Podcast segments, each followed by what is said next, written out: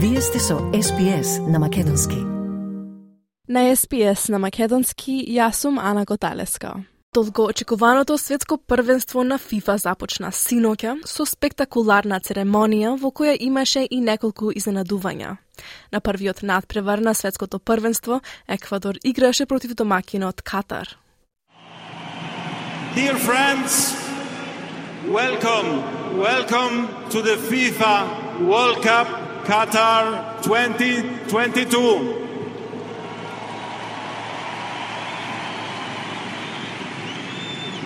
Welcome to celebrate football because football unites the world. Тоа беше председателот на ФИФА, Джани Инфантино, во говорот на почетокот на најголемото светско фудбалско надпреварување на стадиумот Албајт. Инклузивноста беше централна тема на спектакуларната церемонија, со која се отвори светското првенство. Централната тема на критиките насочени кон домакинот на надпреварот Катар. Актерот Морган Фримен, кој беше гостин на церемонијата, беше амбасадор на кандидатурата на САД за домакин на светското првенство за оваа година пред Катар да ја добие можноста. Во неговиот говор, тој порача дека единствениот начин да се поврзат различните земји, јазици и култури е прифаќање.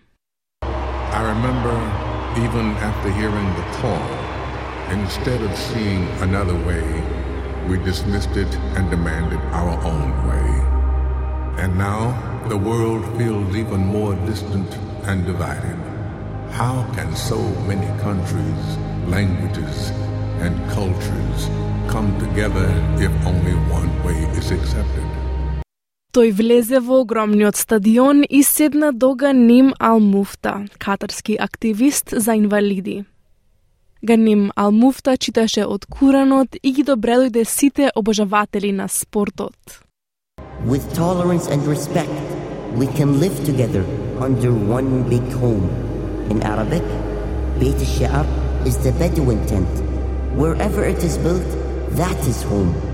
And when we call you here, we welcome you into our home. So we gather here as one big tribe, and Earth is the tent we all live in.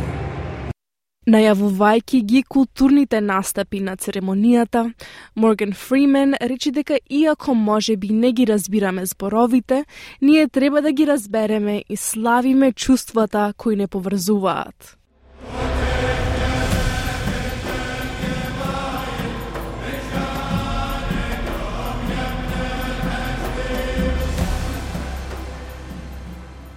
Огромна верзија на официјалната маскота на турнирот наречена Лаиб, лик обличен во традиционален арапски белвел, чие име значи многу награден играч на арапски, лепдеше околу настапите. Меѓу другите настапи и Јунг Кук од популарниот корејски кей-поп бенд BTS, кој го отпеа неговиот сингл Dreamers, како и катарскиот пеач Фахад Ал Кубаиси. Но конечно започна во ведниот надпревар на светското првенство помеѓу Еквадор и Катар. Првиот тим што го направи своето деби на турнир како домакин по Италија во 1934 година. Само три минути во надпреварот, капитенот на Еквадор, Инер Валенција, го постигна првиот гол. And there's the opening goal. It's knocked in by Enna Valencia, no less. And the World Cup is off and running, but the host nation aren't enjoying it. Нововедниот гол беше отфрлен. Сепак, во 16-тата минута, Валенција успеа да реализира пенал и да донесе предност за својата селекција. За прв пат во историјата, првиот гол на светското првенство беше постигнат од пенал. Brought down for this penalty, and now the taker of this penalty.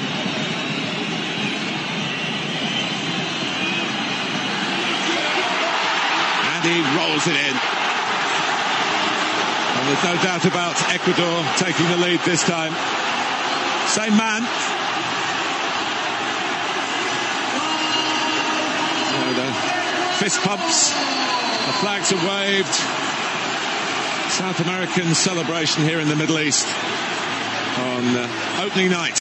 Напаѓачот Енер Валенција, наречен Супермен, ги постигна двата гола за репрезентацијата на Еквадор во победа од 2 спрема 0 на домакинот на турнирот Катар.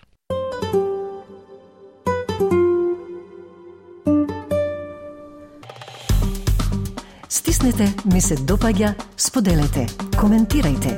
Следете ја SPS на Македонски на Facebook.